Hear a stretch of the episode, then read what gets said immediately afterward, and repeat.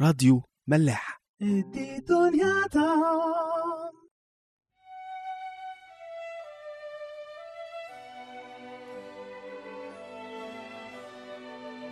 مساء الخير أهلا بيكم في حلقة جديدة من عيش وملح الشعب اتجمع بعد عيد المظال واعترفوا بخطاياهم بس عشان يأكدوا على توبتهم دي عملوا زي تعهد أو ميثاق جديد بينهم وبين ربنا وختموا عليه كلهم.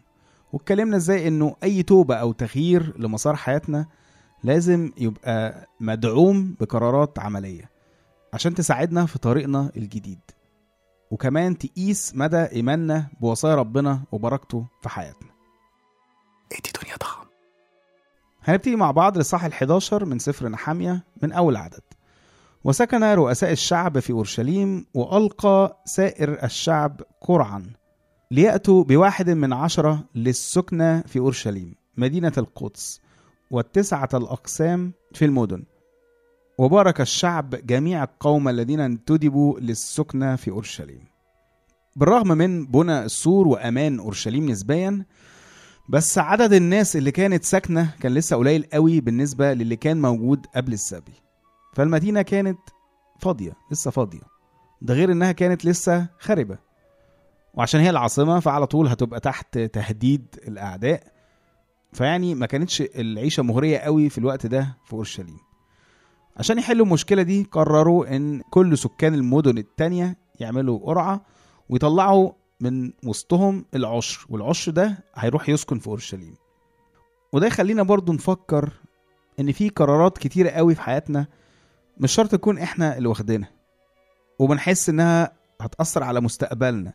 زي الجيش مثلا على قد ما كتير ممكن يعتبروا إن الجندية شرف زي بالظبط في الوقت ده السكن في المدينة المقدسة أورشليم.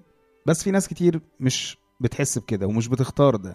بتبقى عندها خطط تانية عندها أرض أو بيت عايزة تقعد فيه عندها مشروع معين أو حتى عايزة تسافر.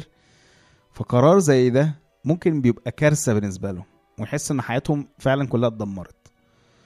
يعني أنا مش جاي أغير وجهة النظر دي لأي حد بس على الأقل هحب أفكر أي حد بيعمل حاجة هو مش مختارها من أجل الآخرين زي قرار التجنيد ده إنه هيحصل له برضه زي ما حصل للناس اللي راحت سكنت في أورشليم. الشعب باركهم.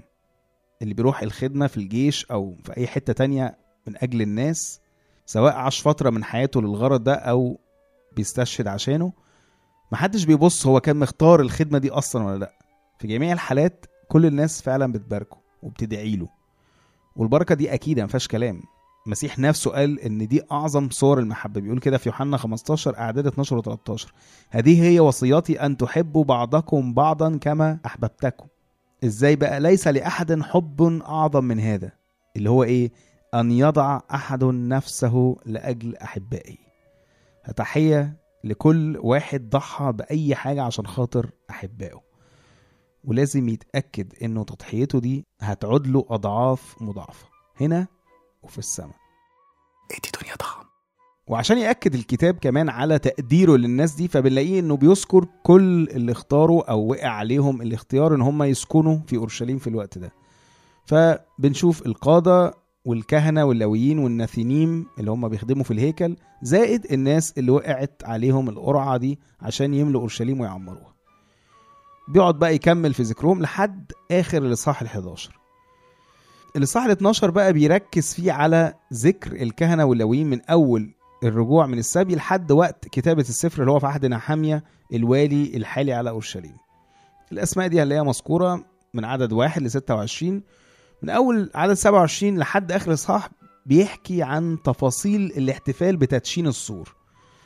والتدشين أو التكريس دلوقتي مبقاش مجرد بقى طقس أو مظهر احتفالي. لا ده نابع من اختيار الشعب إنه فعلا يتبع ربنا ويكرس حياته ليه. ال U-turn اللي أخدوه ده زي ما قلنا. فبالتالي المدينة كلها بقت جاهزة إنها تتقدس وتتكرس فعلا ربنا. وبيحكي بقى بالتفصيل الموكبين اللي عملهم نحامية للتسبيح ومشيوا إزاي في المدينة والناس اللي حضرت الاحتفال ده وبعدين يقول لنا كده من أول عدد 43 وذبحوا في ذلك اليوم ذبائح عظيمة وفرحوا لأن الله أفرحهم فرحا عظيما. وفرح الأولاد والنساء أيضا. وسمع فرح أورشليم عن بعد. وتوكل في ذلك اليوم أناس على المخادع للخزائن والرفائع والأوائل والأعشار ليجمعوا فيها من حقول المدن أنصبة الشريعة للكهنة واللويين لأن يهوذا فرح بالكهنة واللويين الواقفين. حارسين حراسة إلههم وحراسة التطهير وكان المغنون والبوابون حسب وصية داود وسليمان ابنه لأنه في أيام داود وأساف منذ القديم كان رؤوس مغنين وغناء تسبيح وتحميد لله. وكان كل إسرائيل في أيام زربابل وأيام نحمية يؤدون أنصبة المغنين والبوابين أمر كل يوم في يومه. وكانوا يقدسون اللويين وكان اللويون يقدسون لبني هارون. وبيخلص الإصحاح ال 12 على الأجواء المفرحة دي وإزاي إنه الشعب في الوقت ده كان مصمم إن هو يكمل في الطريق اللي هو اختاره سواء في التسبيح أو في العطايا اللي كانوا بيدوها لكل الناس اللي بتخدم ربنا. بس يمكن أنا بالنسبة لي يعني ال highlight أو عنوان الإصحاح ده كله هيبقى في عدد 43 وذبحوا في ذلك اليوم ذبائح عظيمة وفرحوا لأن الله أفرحهم فرحا عظيما. وفرح الأولاد والنساء أيضا وسمع فرح أورشليم عن بعد. يعني الكتاب بيفهمنا هنا إن في حاجة حقيقية اسمها فرح الله. يعني الفرح اللي هم كانوا فيه ده مش عشان ال mood كان ظريف الأغاني حلوة كان في ذبايح وأكل إنما لأ عشان الله أفرحهم فرحا عظيما. والفرح ده كان عظيم لدرجة إنه الناس اللي بره المدينة وعن بعد كانت سامعاه. وده يثبت قوي بقى اللي إحنا كنا بنتكلم فيه من كام حلقة على موضوع فرح الرب. وإنه ما ينفعش إن أي حاجة تحركنا أصلا غير الفرح ده. زي ما اللويين قالوا للشعب كده في نحامية 8 10 لا تحزنوا لأن فرح الرب هو قوتكم هو ده اللي هيحرككم.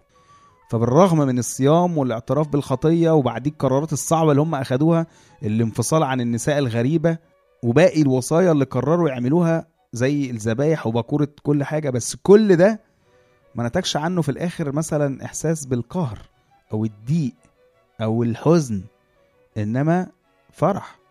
ربنا قدر إنه يملى كل الفراغ اللي اتساب عندهم سواء فراغ عاطفي أو اجتماعي أو مادي.